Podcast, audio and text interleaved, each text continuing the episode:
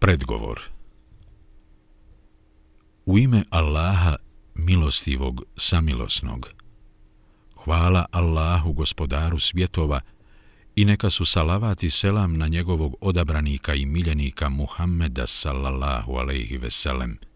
na njegovu časnu porodicu, ashabe i sve one koji ih slijede u dobru do sudnjega dana.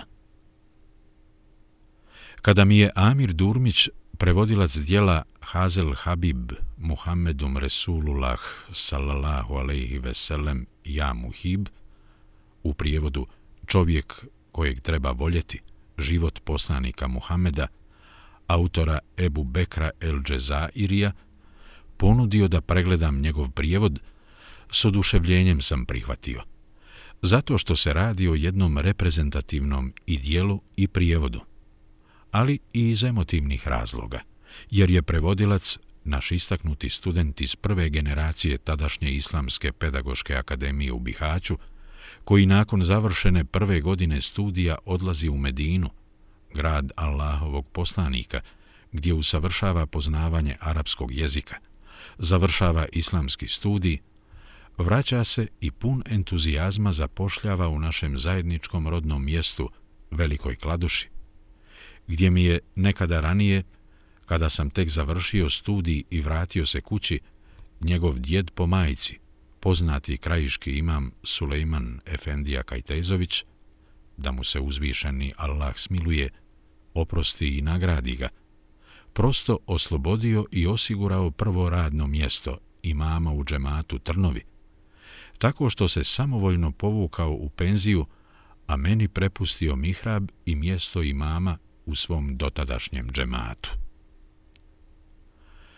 Čovjek kojeg treba voljeti značajno je dijelo jednog savremenog autora koje u ovoj oblasti upotpunjava islamsku biblioteku na bosanskom jeziku, formiranu od kapitalnih prijevoda dijela iz različitih oblasti. U nekim prijevodima sam i sam učestvovao. Tefsira, hadisa, fikha i drugih islamskih znanosti, pa mi je izuzetna čast da barem na ovaj način učestvujem u ovom projektu.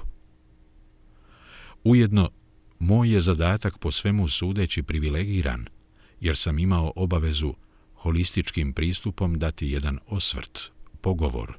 zadnji pogled na kompletan prijevod i finalnu verziju pred objavljivanje, a ne samo uraditi klasičnu recenziju, pošto mi je uručena finalna verzija spremna za objavljivanje.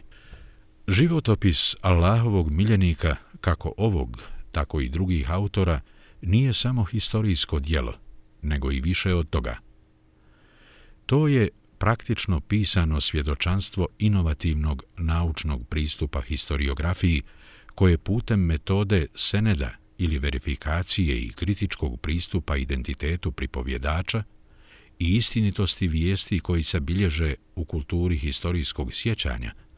pruža primjer objektivnog naučnog pristupa koji su inovirali i ljudskoj historiografiji podarili islamski zvanstvenici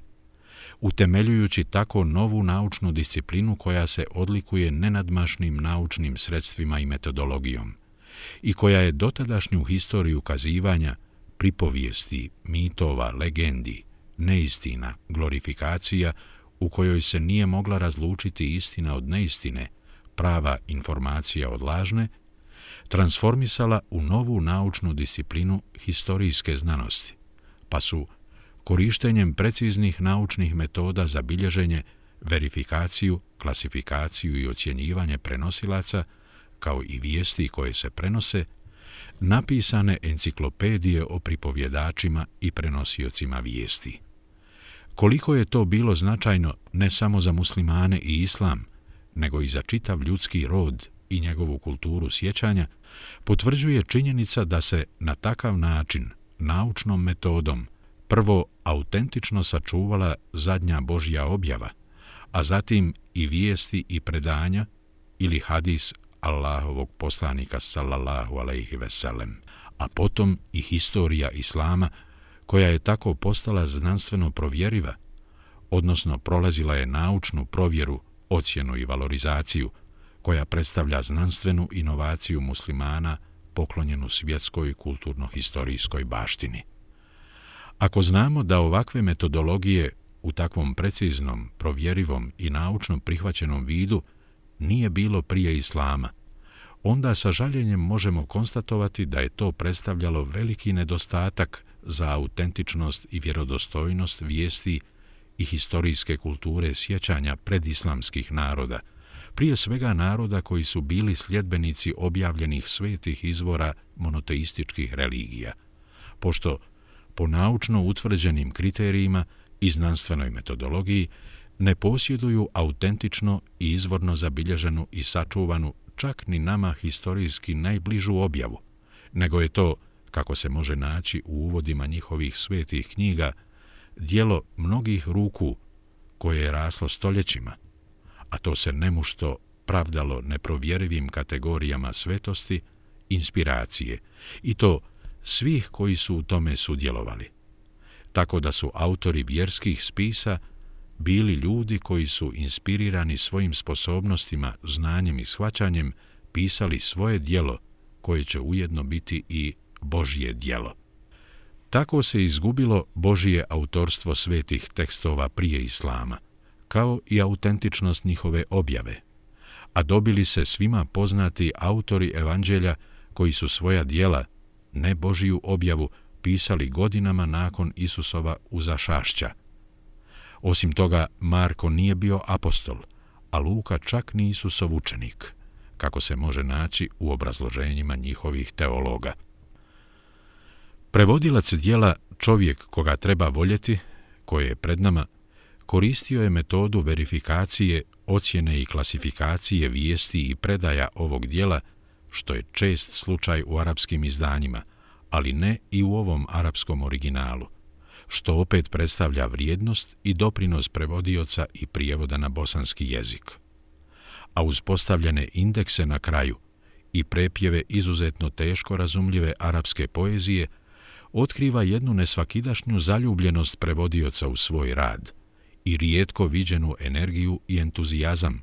da lično doprinese ovom projektu ne samo prevođenjem, nego i nastojanjem da ga i sadržajno nečim obogati.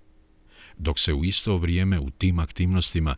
na prvi pogled ne otkrivaju i ne vide sve teškoće, utrošeno vrijeme, energija i ogroman trud da bi se to postiglo, a što je prevodilac neminovno morao utrošiti i podnijeti. Jer je sve tako lijepo stilski oblikovano da čitaoca ne može odvojiti od knjige. Nakon jednog općenitog uvida u prijevod i rad na ovom dijelu, uz lično poznavanje prevodioca i njegove posvećenosti i revnosti, mogu samo zaželjeti da se njegov ovako predan i sistematičan rad nastavi i u buduće, u korist islama i muslimana naših krajeva. A ovo dijelo toplo preporučujem svim zaljubljenicima u siru Allahovog poslanika sallallahu alaihi veselem, koja se inače čita na dušak. A posebno je preporučujem onima koji se obrazuju na vjerskim školama i institucijama zbog metodološke i sadržajne vrijednosti prijevoda koja je pridodana tradicionalnom klasičnom, ali i savremenom pristupu autora ovoga dijela. Profesor dr. Muharem Štulanović, Bihać 10.1.1436. hidžretske godine, 3.2.2014. godine.